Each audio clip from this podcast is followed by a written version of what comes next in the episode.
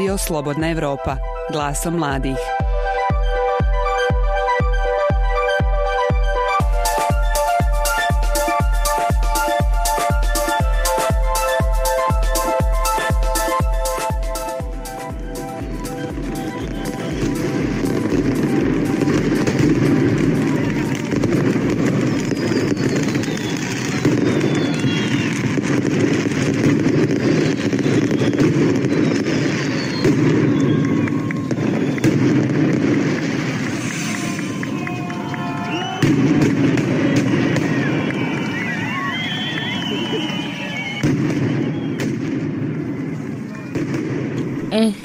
Novogodišnji vatromet.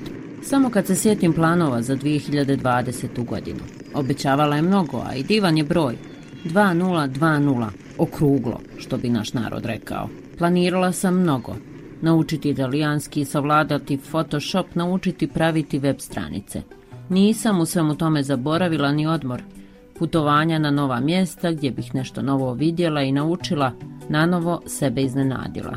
Ali ne bi tako. Da ne bude zabune, ja sam Aida Đugum, a u ovom izdanju podcasta Glasom mladih, Radija Slobodna Evropa, govorit ćemo upravo o mnogim propalim planovima, te o doživljaju po svemu drugačije godine za nama. I da, odgovor na pitanje po čemu ću pamtiti 2020. godinu, ovoga puta pogotovo nije težak. Po koronavirusu jasno je. Priča u vezi novog virusa koji se prebrzo širi i za kojeg lijeka nema, prva tri mjeseca činila se strana daleka. Dešavalo se negdje hiljadama kilometara udaljeno od mene i mojih najmilijih, u nekoj dalekoj Kini ili Italiji. Ali došao je i 5. mart i prvi zabilježeni slučaj koronavirusa u Bosni i Hercegovini, uvezen iz Italije.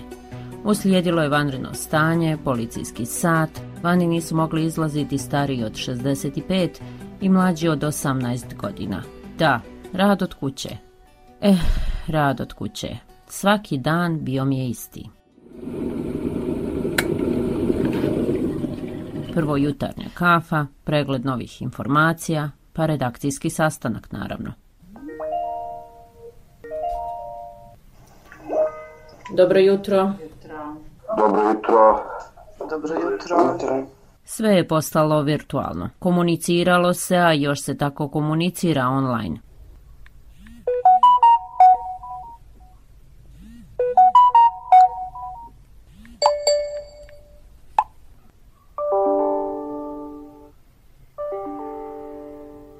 Nova normalnost, kako je volim nazvati, podrazumijeva odgovornost, tačnije pridržavanje tri osnovna principa zaštite. Prvo je često pranje ruku toplom vodom i sapunom ne kraće od 20 sekundi. Drugo je distanca koju sam počela praviti u filmovima. Svaki susret sa drugim ljudskim bićem bio je bez grljenja i ljubljenja, što meni lično teško pada. I treće, maska. Ne bih bila iskrena da vam kažem da mi je ugodno kada je nosim, ali pravila su pravila. Da, obavezna dezinfekcija. Sve se odvija po ustaljenom redu pri ulasku u kuću. Prvo obuća, pa kvake, mobitel, prehrambeni proizvodi, garderoba. I tako u krug, svaki put kad se vratim u svoj dom. Prvi put ljetovanje nisam provela na moru, već sam ostala u Bosni i Hercegovini.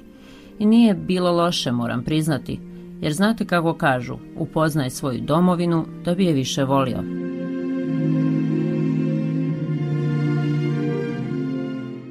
I tako, prođe još jedna godina i započe nova. U novoj godini tu je i nova nada, da će vakcina koje smo slušali tokom cijele 2020. godine spasiti čovječanstvo. Da li se lakše diše zbog toga? Mlada glumica Nadine Mičić odgovara. Ja svakako, samo ne znam kad će do nas doći. To je najveći problem, pošto smo mi ovaj, uvršteni u ove zemlje trećeg svijeta maltene je pitanje šta kod nas dolazi i kad dolazi. Eto to ne unosi neku sumnju, ali ja sam među onima odma tri nek mi daju šta se mene tiče.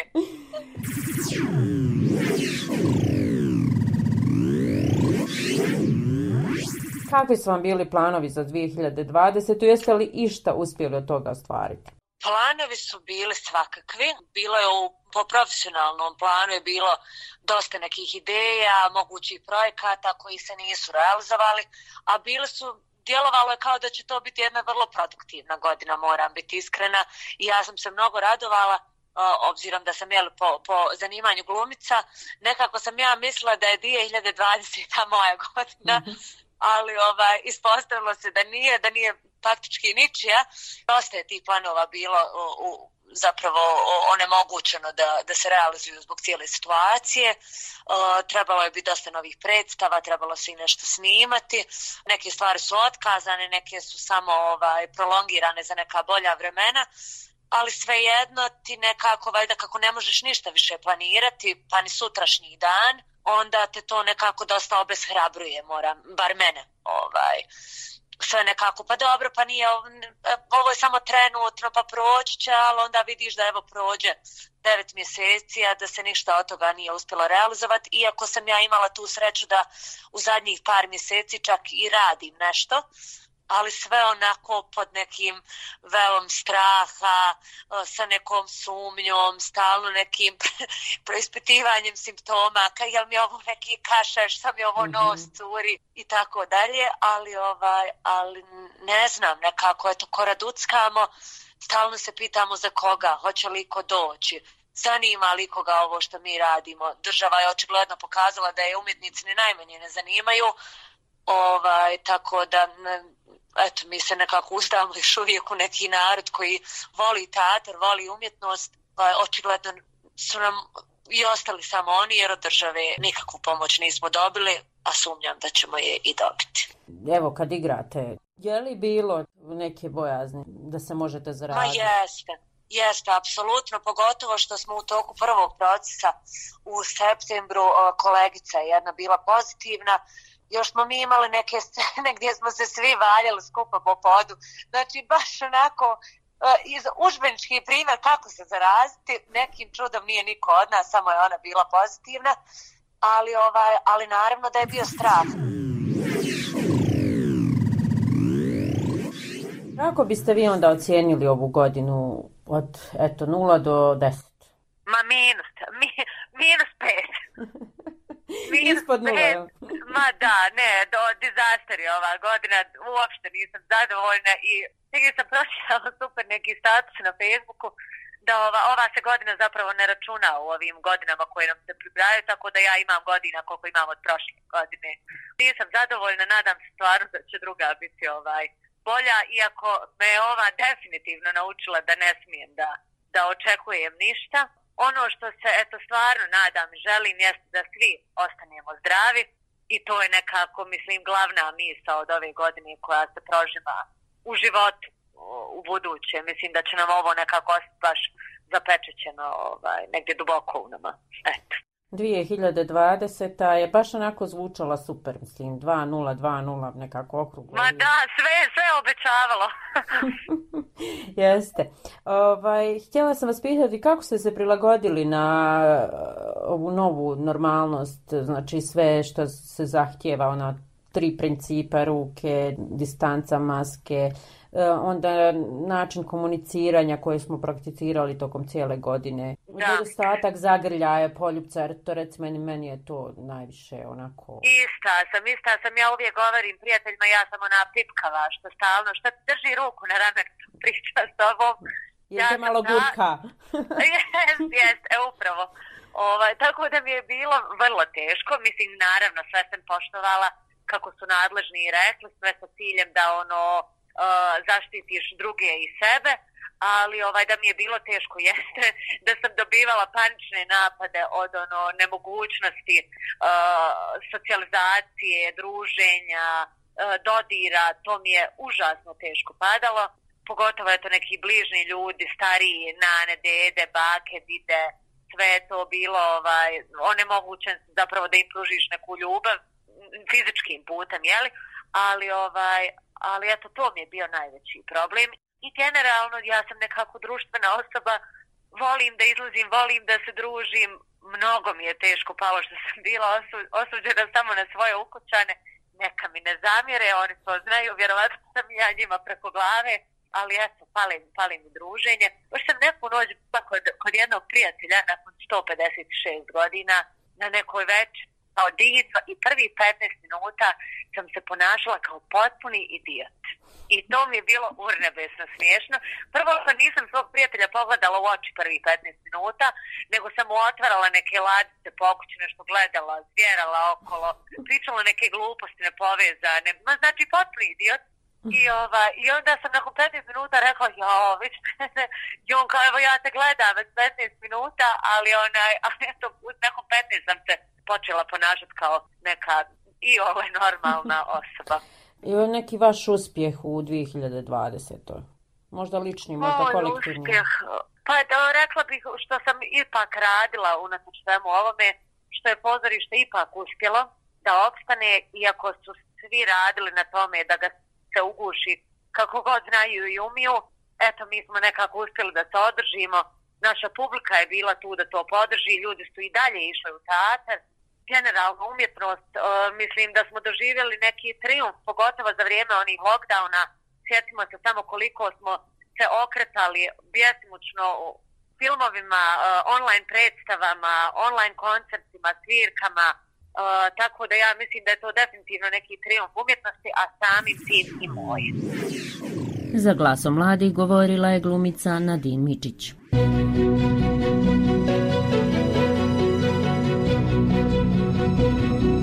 Slušate podcast Glaso mladih. Prethodne epizode pronađite na slobodnaevropa.org ili na Google i Apple podcast aplikacijama.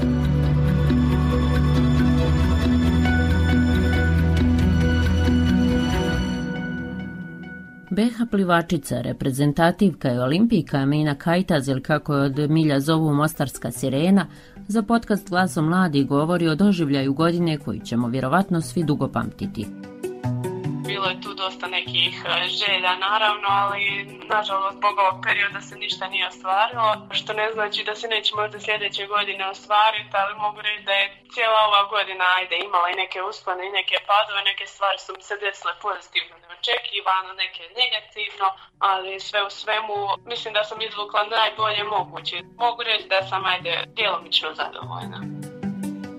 Upravo zbog vakcine Amina ne gubi nadu da će se život promijeniti na bolje u 2021. Ali ona ne krije da treba imati i rezervu u vezi sa tim. Iskreno mislim da bi vakcine trebale dosta dobro utjecati da bi se smanjila ta zaraza, ali s druge strane, ovaj, ako ne uspije, bit će zaista teško priviknuti se na ovakav način života, da ne možete uh, otići kući kod svojih, da vidite ih, da vas je strah za, za cjelokupnu vašu familiju. Mislim da je to zapravo najteže svima nama pada što moramo živjeti odvojeno, da, da zapravo ne bi ugrozili svoje najmilije. S druge strane, malo me strah za ekonomiju jer dosta ljudi je nažalost ostalo bez posla. Privatnici su mnogi ugasili svoje firme i to je neki isto također strah u svima nama, ne samo meni. Nažalost, meni je najveća uh, tuga što je sport stao, pogotovo plivanje jer to nije uh, neki sport koji donosi ogromne novce u svijetu pa na neki način je stalo takmičenja se ne mogu organizovati na, na najbolji mogući način. Na primjer, ne znam, mi smo imali na mitingu u Zagrebu dosta zaraženih, onda je došlo do toga da, da se mora staviti taj lockdown i sve to, sve to vuče nekako neke loše stvari jedno za drugim, ali s druge strane uvijek je nama ljudima prirodno jel, da smo optimistični i da mislimo da će uh, sve dobro izaći, da će te vakcine djelovati. Šta bi karakterisali kao najbolja stvar koja vam se dogodila u 2020. Najbolje što mi se dogodilo je da sam se zbog korone baš ovaj, odlučila takmičiti u e, izboru Miss e, sporta Hrvatske i da sam odnijela tu titulu. Mogu reći da mi je to bilo ono najbolje jer da je bilo normalno sve, ne bi se ni prijavila, obzirom da smo imali vremena kako nismo ni mogli trenirati normalno, odlučila sam pristati da se prijavim na to. Druga dobra stvar što mi se desilo da sam završila četvrtu godinu marketing managementa i evo završavam prvi semestar pete godine, tako da tu sam zadovoljna i treća sam godina, upisala sam treću godinu DIFA, tako da Uh, to su neke dobre stvari koje su mi se desile, da sam imala možda najviše tu vremena za sebe da se posvetim svom obrazovanju, što inače kad imam plivanje teško da usklađujem. Pa sam se bazirala na te neke edukacijske obaveze i uspjela sam to završiti. Recite mi kako biste od 0 do 10 eto, ocijenili ovu 2020. Ja ću reći 8, iako je to visoka ocjena, s druge strane ovaj, a, smatram da iako se tu loše neke stvari desile, da sama osoba kao jedna, jedan pojedinac, ukoliko želi biti sretan, mora odlučiti da stvarno želi biti sretan, iako su teške okolnosti. Ja sam neko ko je pročitao dosta tih duhovnih knjiga i um, uvjerila sam se da se stvarno sreća bira sama od sebe i tako da ako sam ja odlučila da ću u ovom trenutku biti sretna, iako je, mislim, okolnosti su čudne, uh, odlučila sam biti sretna, tako da ne mogu neke stvari na koje ja ne mogu utjecati na mene. Tako da visoka ocjena, a s druge strane da je sve idealno, normalno da bi bila čista desetka, ali uh, dešavaju se takve stvari i trebamo samo izvući pouku i zapravo shvatiti vrijednost života i šta smo sve imali zapravo da se nismo uopće zahvaljivali na tim stvarima svaki dan. Trebamo malo više biti zahvalni. A nadam se da ćemo biti u 2021. Šta očekujete u 2021. Očekujem da će se zaraza smanjiti i da će se da će naravno ta cijepiva djelovati kako bi mogli normalno funkcionisati. Želim da se održe sva takmičenja koja se trebaju održavati svaki mjesec, svake dvije sedmice zapravo kako je to normalno, a ne svake četiri mjeseca kako je to bilo sada. Želim da normalno možemo trenirati i ići u sve ustanove o koje želimo. Želim da se otvore granice, to mi je ono jedna od većih želja da mogu ići kući i posjetiti mamu i tatu svoje bliske osobe, da ih mogu zagrliti bez da nosim masku i kada sam s njima i kada ih vidim, što je ovaj, užasna situacija. I želim naravno da završim sve svoje obaveze. Što se tiče faksa, želim završiti fakultet sljedeće godine, to je neka moja najveća želja. E, a naravno uvijek dobri rezultati, to, to naravno uvijek očekujem, a s druge strane trudite se koliko možete pa šta bude. Koliko vam je ovaj smetala ova online komunikacija? Je li nas malo udaljila međusobno s obzirom da ne možemo da baš često ni da se viđamo, a i ne možemo ni da izlazimo. Koliko vam je postala zamorno to ili vam se sviđa, ne znam, možda ste drugi tip? Pa iskreno što se tiče obrazovanja, meni je dosta lakše, zato što sam ja inače vanredan student, tako da što se tiče obrazovanja to mi je super, tako da mogu lakše pogledati neke stvari koje nisam prije imala priliku, obzirom da nisam mogla dolaziti na 100% na predavanje.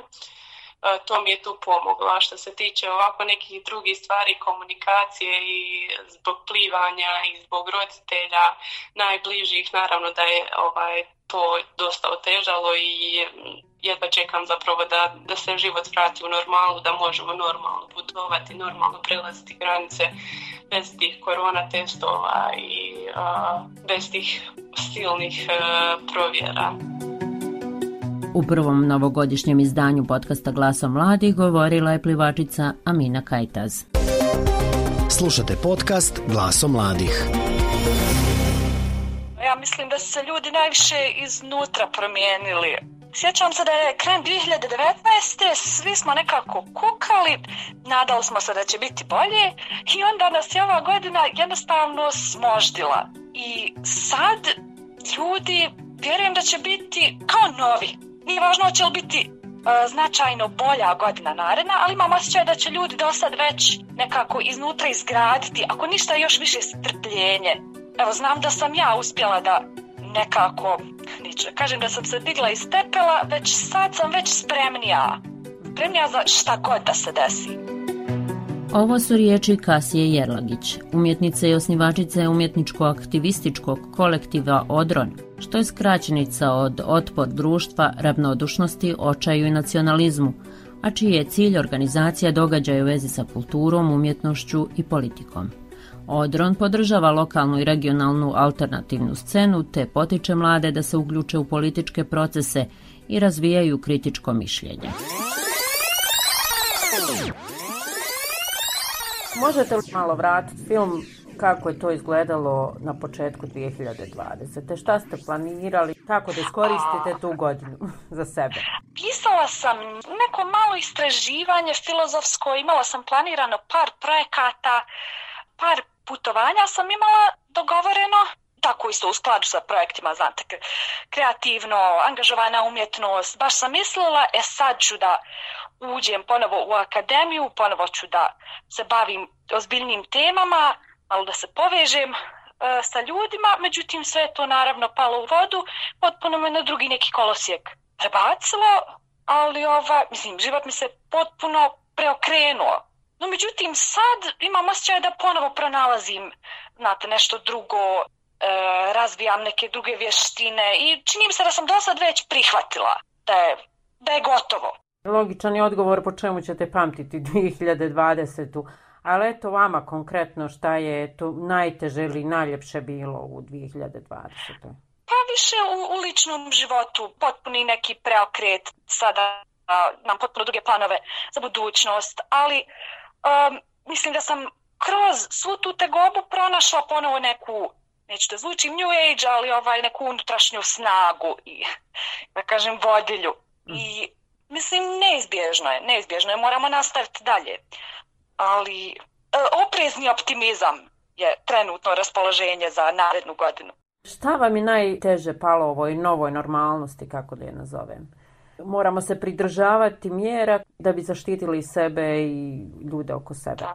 Obzirom da ja, ja i moj kolektiv imali smo do sad jako brz ritam, tipa dva put mjesečno smo imali neki događaj, uvijek smo bili okruženi jako mnogo kre, kreativnih ljudi sa mnogo energije i odjednom nismo mogli ništa to da sprovodimo.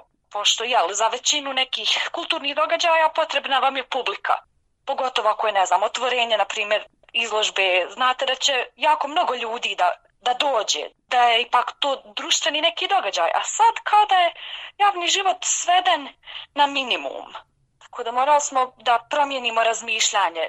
Pošto ste vi mlađa generacija, koliko vam je online komunikacija pomogla?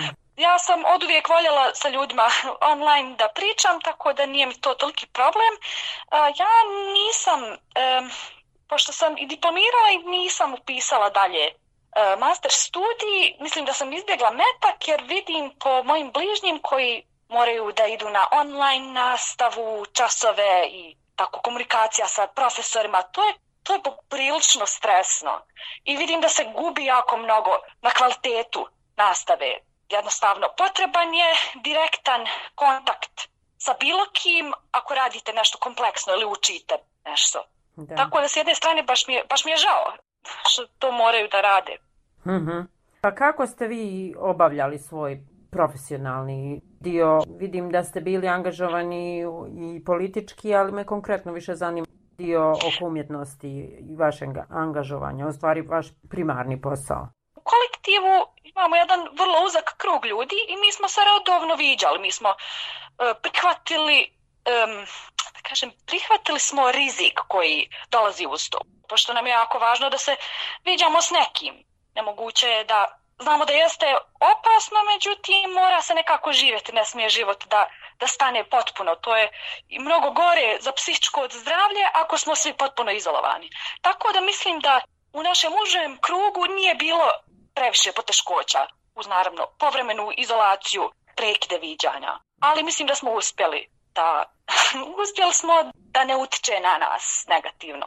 S obzirom da ste rekli da evente ste morali otkazivati zbog pandemije jer je veliki broj ljudi, jeste li išta od onog planiranog uspjeli sprovesti? U martu imali smo zakazan jedan performans u sklopu nekog drugog projekta uspjeli smo većinu da odradimo, međutim večer ranije, dakle prije zakazanog događaja, uvedene su mjere da nisu mogli da se ljudi okupljaju na javnom mjestu i čak ni policija nije bila sigurna šta da radi s nama, pošto malo nas je, ali da li je to okupljanje ili ne. Tako da morali smo to otkazati. Međutim, imali smo poslije priliku da nadoknadimo to sve. Ono na što smo najviše ponosni, e, činim se to je bilo u avgustu.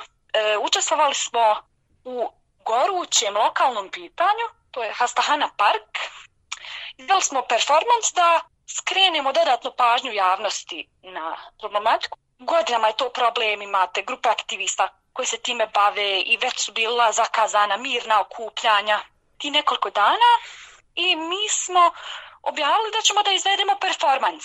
Jedan, pa malo čak i morbidan. Dakle, performans je bio prilagođen situaciji, nismo ugrožavali nikoga osim sebe u ovom slučaju i jako mnogo ljudi se odazvalo i skrenulo je pažnju na dobar način. I mislim da ako želimo da se bavimo umjetnošću angažovanom, to smo uradili baš po našim mjerilima.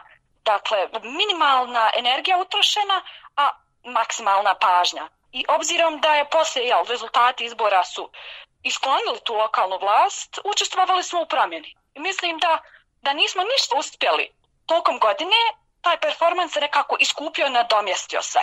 A politički jeste li učestvovali na lokalnim izborima ove godine i kako ste zadovoljni? A, da, da, smo da budem na listi za opštinsko vijeće, iako ja nisam članica stranke, učestvovala sam, rekao, zašto da ne? Pošto je ovo poprilično, nekako ove godine se učinilo da je sve moguće.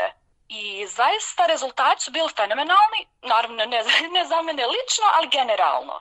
Tako da imam osjećaj da sam učestvovala u historiji na neki način.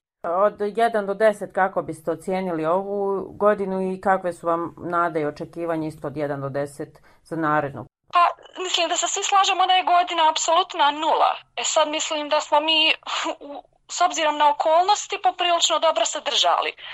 Ovaj, pa mislim, za nas je 10, za godinu nula, pa ne znam jel se nađemo onda na 5 ili šta.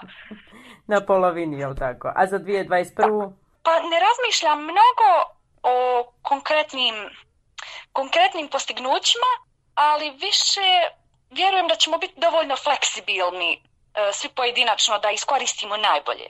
Znam da sam ja lično zaista spremna da, da uletim u, u bilo šta, u bilo kakvu ovaj, poteškoću i da će sve biti u redu na kraju. Bila je to Kasija Jerlagić, umjetnica i osnivačica umjetničko-aktivističkog kolektiva Odron. Slušate podcast Glaso mladih. Prethodne epizode pronađite na slobodnaevropa.org ili na Google i Apple podcast aplikacijama.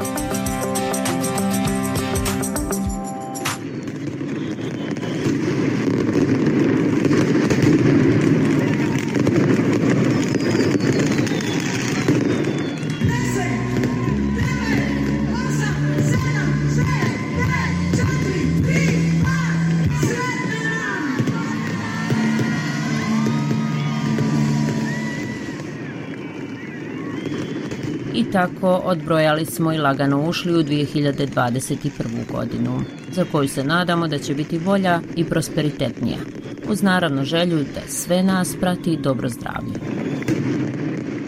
Svako dobro i sretnu novu godinu žele vam Svjetlana Petrović i Aida Đugum, uz poziv da ostanete i dalje sa nama. Ukoliko ste propustili prethodne epizode našeg podcasta, možete ih pronaći na našem sajtu ili na podcast aplikacijama. Naše druge sadržaje također možete pronaći na slobodnaevropa.org, na društvenim mrežama Facebooku, Twitteru, Instagramu, YouTubeu. Sa vama smo i naredne sedmice. Do slušanja.